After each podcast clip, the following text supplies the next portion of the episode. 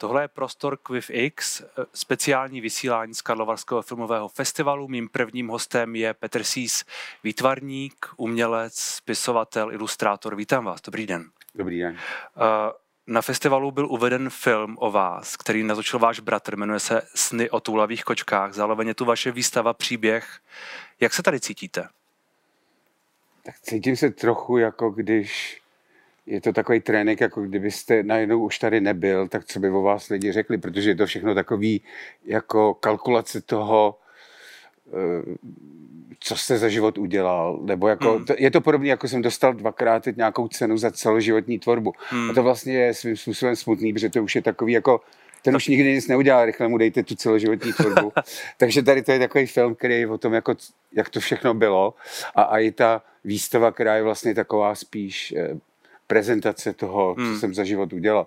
Takže je to hezký, ale je to takový konečný. No. Je to takové bilancování. Bilancování. Je to trošku, na, trošku jako na pohřbu.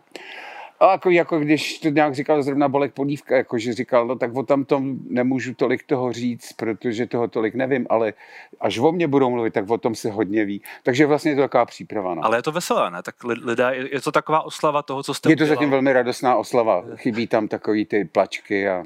Mimochodem, jak se vám vrací do České republiky? Jak se vám sem přilétá? Tahle otázka se kladla dřív, teď po té pandemii je to všechno úplně jinak, protože teď jsem hlavně nadšený, že vůbec vidím lidi, že vidím hmm. lidi, kteří jsou pohromadě, lidi, kteří se smějou. Hmm. Je fakt, že mám trochu strach, protože tady je hodně mladých lidí a nikdo nemá žádný masky, takže já si říkám, jak v Americe varujou, jste určitého věku a vidíte-li nějaký jiný lidi, nemáte-li jistotu, radši si dejte masku. Jak já za ty dva dny už jsem to opustil a si říkám, že moje žena má největší strach, že budu v karanténě někde půl roku. Je to, tady, je to tady na váš vkus příliš uh, roz, rozvolněné? My máme ne, já nemám ty... žádný vkus, já myslím, že jsme zblbli za tu dobu toho všeho, těch, těch nařízení hmm. a ta Amerika byla, v, u toho New Yorku byla jeden čas strašně děsivá s, tím, hmm. s těma všema obrázkama. V tý... Tam se hodně umíralo. Tam se hodně umíralo, hodně se ukazovaly takový ty mrazící vozy a ty bílé pytle a všechno bylo opuštěné a, a všichni se strašili, hlavně se strašili. Čili já jsem všechno všechno dělal proto, abych se stal součástí toho napravení, takže jsem si, mám dvě vakcíny a mám různé masky, hmm. ale jako to ostatní už neovlivním. No. Hmm. Uh, na letišti stále vysí vaše, vaše tapisérie letící myš, respektive stále. Samozřejmě, že stále. Uh, díváte se na ní, když, když odlétáte? Teď jsme se bavili o tom, že budete odlétat koncem týdne zpět. Ano. Je, to, je to takové memento? Dívám se, když přilítám, dívám se, když odlítám. Je to jedna z mých nejpovedenějších prací. To člověku, jako když je výtvarník, možná i jako filmař, tak se mu nepovede všechno v životě, jak se mu povede třeba pár věcí parádně, některé věci nevídou vůbec. A já bych řekl, že z takových jako tří věcí, co jsem v životě udělal, jestli je to plagát pro Miloše Formana na hmm. Amadeus nebo Velryba, která byla v New Yorkském metru, hmm. tak ten letící muž je parádní a taky oslavuje nebo skládá hold uh, ušlechtilý, krásný myšlence a navíc je na tom letišti, takže já vždycky, když přiletím, tak se na něj podívám a když odlítám, tak se taky podívám. Dřív to bylo blbý, protože jsem musel chodit za roh. Ale teď je to hned nad stánkem nějaký prostě tam delikatesy, takže člověk hned najde. No. Jste na něj pišný? Jsem na něj pišný, no.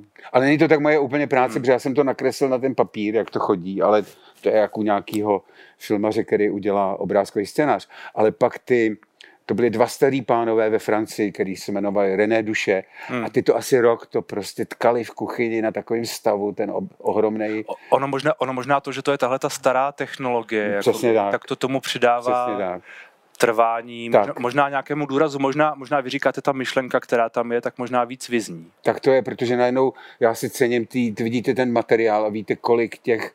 Uh, kolik práce. Kolik práce, kolik těch nitek do toho šlo, no. Hmm. Ta myšlenka, o, které se, o kterou jste zmínil, že tam, že tam jakoby je, co to, co to pro vás je? Ta myšlenka je vznikla, jak to vzniká u těchto těch věcí, jako s tou rybou, jako s Amadem, takovou postupnou cestou, ale pak se tak samozřejmě dneska říkám, že jsem to udělal já, že to je můj nápad, ale v podstatě tak to chodí, že to vzniklo tak, že já jsem se díval v New Yorku a to se děje všude, když lidi mají holuby, tak je pouštějí ráno, někdy ty hejna těch holubů a ty holuby krouží a to světlo, když dopadá slunce, tak ty holuby se lesknou hmm. podle toho, jak to slunce dopadá. Myslím, že to měl František Vláčil ve filmu Holubice. A takže tohle se mi vždycky líbilo. Pak byla ta situace, kdy najednou pan prezident Havel byl nemocný a najednou pan prezident Havel umíral. A myslím, že to byly hospodářské noviny, chtěli, jestli já bych udělal nějaký tri, tribut tomu, tomu poctu panu prezidentovi. A můj nakladatel, Jaro, eh, nakladatel Joachim Dvořák řekl jako, vy máte ten obrázek, takovou tu skicu toho člověka, co, co letí ty ptáci. Já jsem to namaloval, ty ptáky, na obálku toho eh, časopisu Hospodářské listy, hmm. což bylo jenom vydání na za život eh, Václava Havla. Hospodářské noviny. A to uviděl náhodou Bill Shipsy, s kterým jsem dneska kamarád, který řekl, tohle by byla nádherná tapisérie, která by byla podsta velkému člověku. A co byla další náhoda, bylo, že byly nějaký spory o jméno letiště Václava ano, Havla. Ano. Takže najednou Amnesty se rozhodla, že věnuje ten, tu tapisérii nadaci hmm. manželů Havlových, tý dali tomu letišti a tím se to ještě víc potvrdilo. Takže dohromady to bylo takový jako naskok a já teď, když přiletím, tak to můžu vidět a mám z toho radost.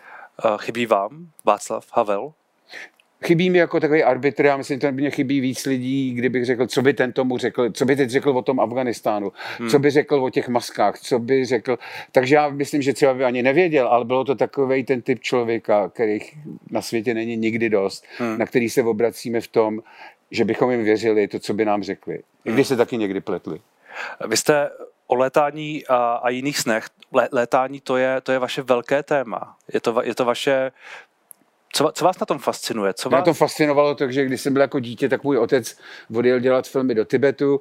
A když já jsem zjistil, když on mi vyprávěl, jak byl na nějakých ostrovech z Jižní Afriky já jsem prostě viděl, že ty místa jsou strašně daleko a v hmm. naší době, v době, kdy já jsem chodil do školy, bylo skoro nemožný přemýšlet, že by člověk odjel někam dál, než bylo uh, Černá Pričope, nebo to bylo už taky daleko. Všechno bylo šíleně daleko, nikam se nedalo dojít, dojet, bylo to nepovolený, bylo to nemožný, bylo to neuskutečnitelný a najednou jsem viděl ptáky všude ve snech, který můžou letět, nemají pasy, nemají hranice, někam letí, prostě hmm. čápy letí do Afriky, pak si letí tady rozmnožit do do, jižních Čech.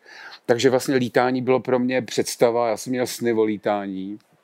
A to se pak projevilo do hodně obrázků a knížek. A z toho vyšel, já myslím, uh, potom ten nápad na tu výstavu v tom doxu, kdy teda to nebylo vůbec moje zásluha, to byly geniální.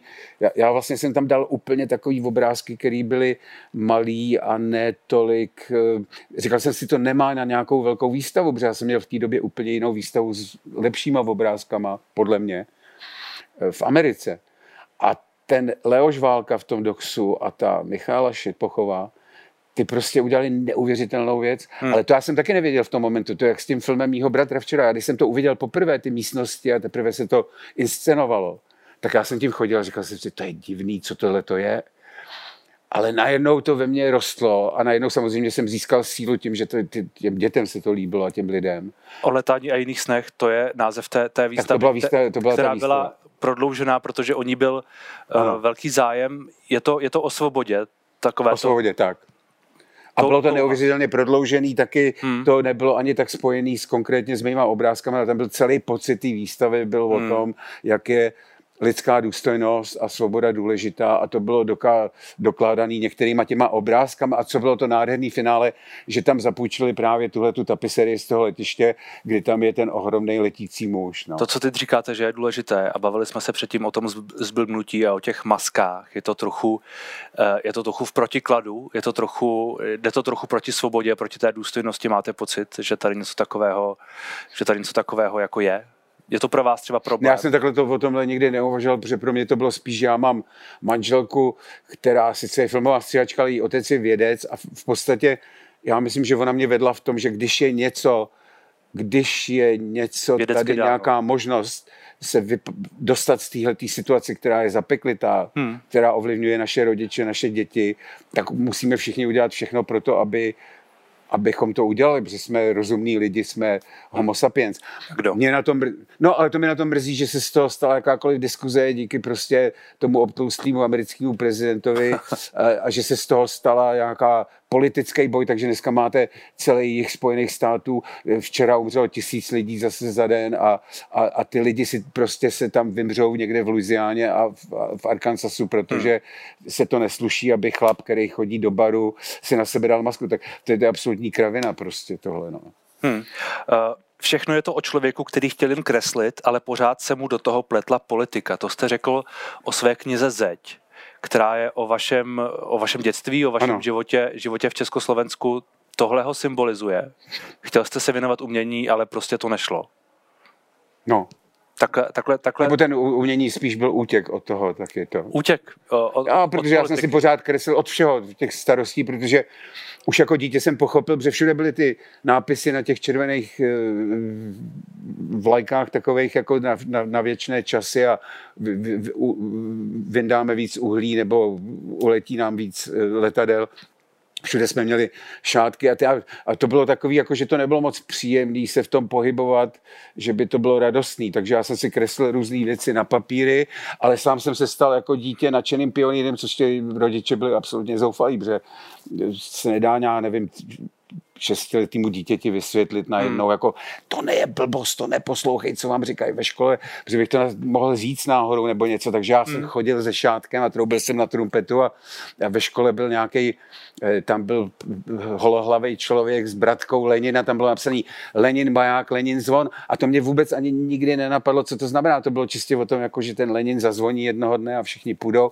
Pak se chodilo na ty filmy a pak přišlo to šílené zklamání toho života najednou z té politiky někdy v těch hmm 12, 13, kdy někdo řekl, hele, ty máš džínsy a víš, co je to rádio Luxemburg a víš co.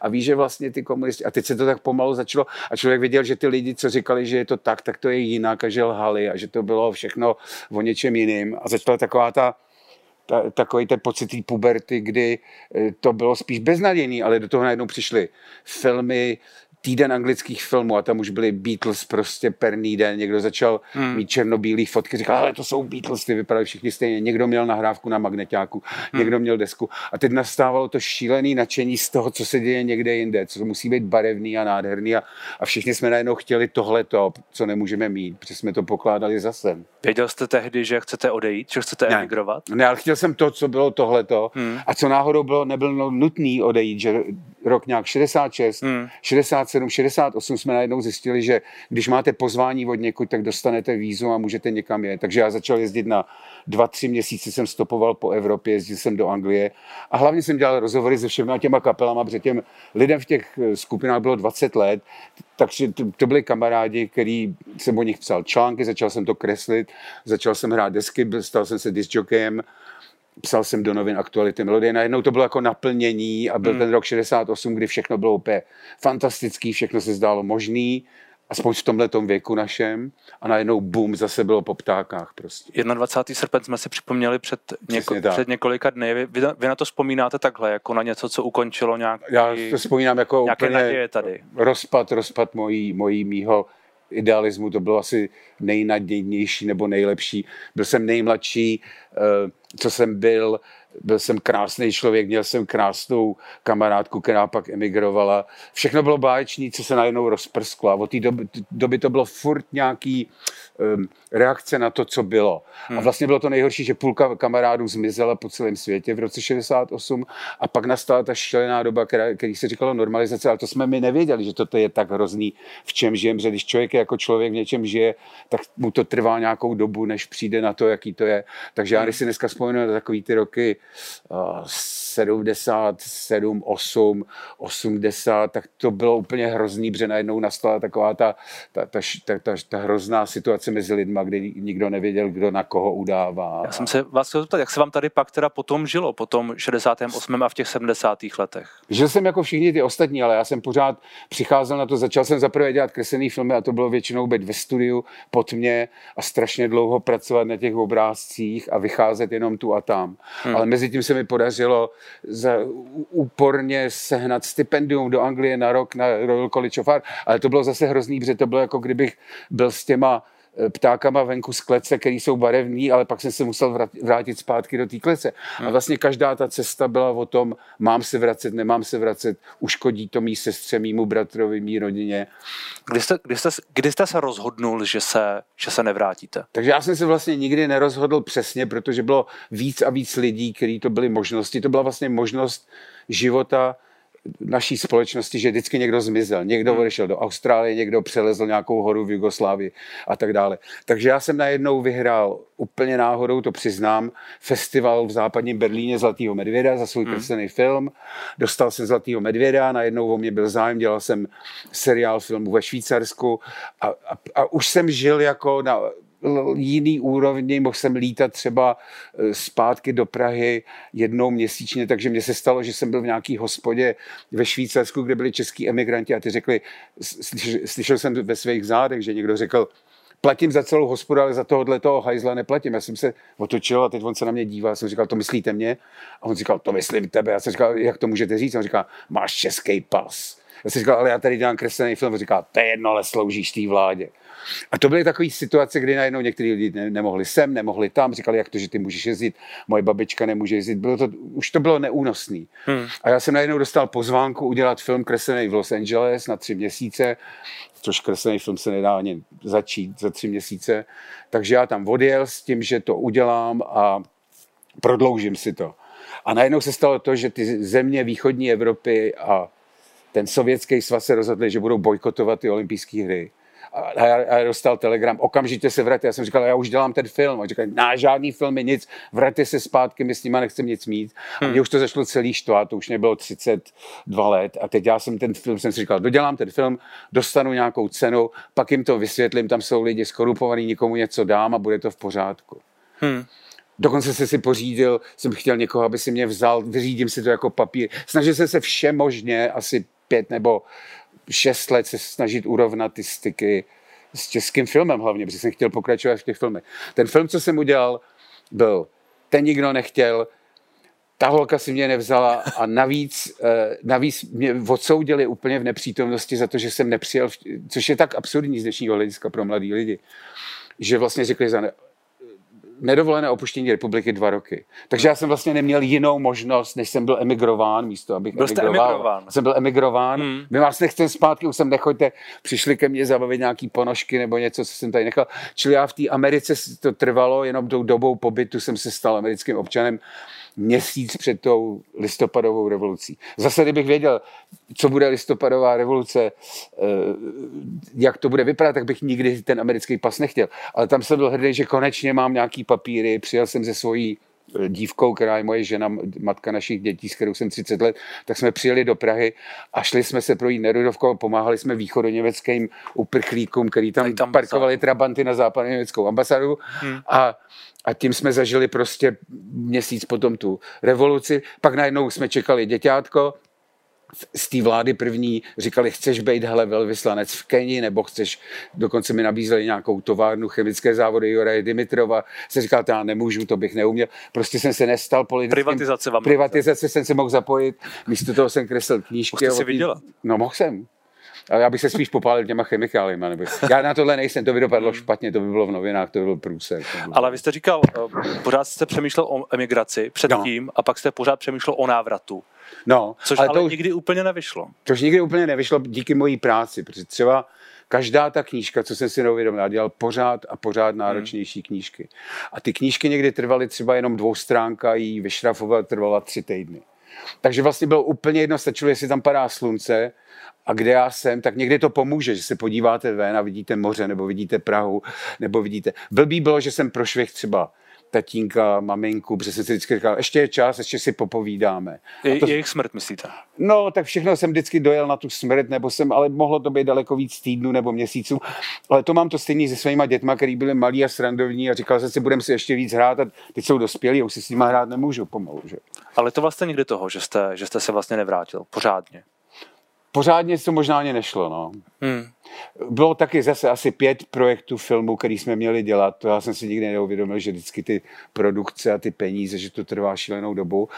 Dneska se vidím z toho, že jsem měl víc tlačit na jeden ten projekt, ale je to tak, jak to je. A Který? No, velmi blízko jsme byli s bratrem dělat film o ty tři zlatý klíče. Hmm. Velmi blízko jsme byli dělat film o tom Tibetu, kdy ale někdo řekl, váš tatínek už je hodně nemocný a to Hmm. znamená, že už tady dlouho nebude. To znamená, proč nenapíšem ten scénář tak, jako že už tady není. A mě to urazilo v té době. I když je pravda, že zemřel asi do roka. A mně to přišlo jako, že se rouhám, kdybych psal. On už tady není, leží tam v komoře, nožky má nahoře, takže to nic.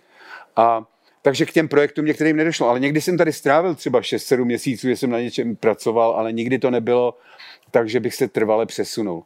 Eh, samozřejmě, kdyby člověk věděl, že bude pandemie, že bude prezident Trump, že bude to a to sedít. Hmm. Je to až fascinující, když si, si pamatuju tu dobu, kdy člověk posílal do Československa prostě Levi's jeans nebo žvejkačky a dneska vlastně jezdíte sem si kupovat věci, abyste měl v Americe, abyste nevypadal jako buran. Takže je to krásný. Jezdíte sem, skutečně. No dobře, to se to proměnilo, prostě ta hmm. situace hmm. je totálně odlišná a je to, je to bezvadný jo, tím způsobem. Jak těžké bylo ale prosadit se ve Spojených státech? Vy jste mimo jiné říkal, zmínil jste na začátku ten plagát k Amáde, no, no. který byl ale asi zlomový, který vám pomohlo nějak. To byl zlomový. Způsobem...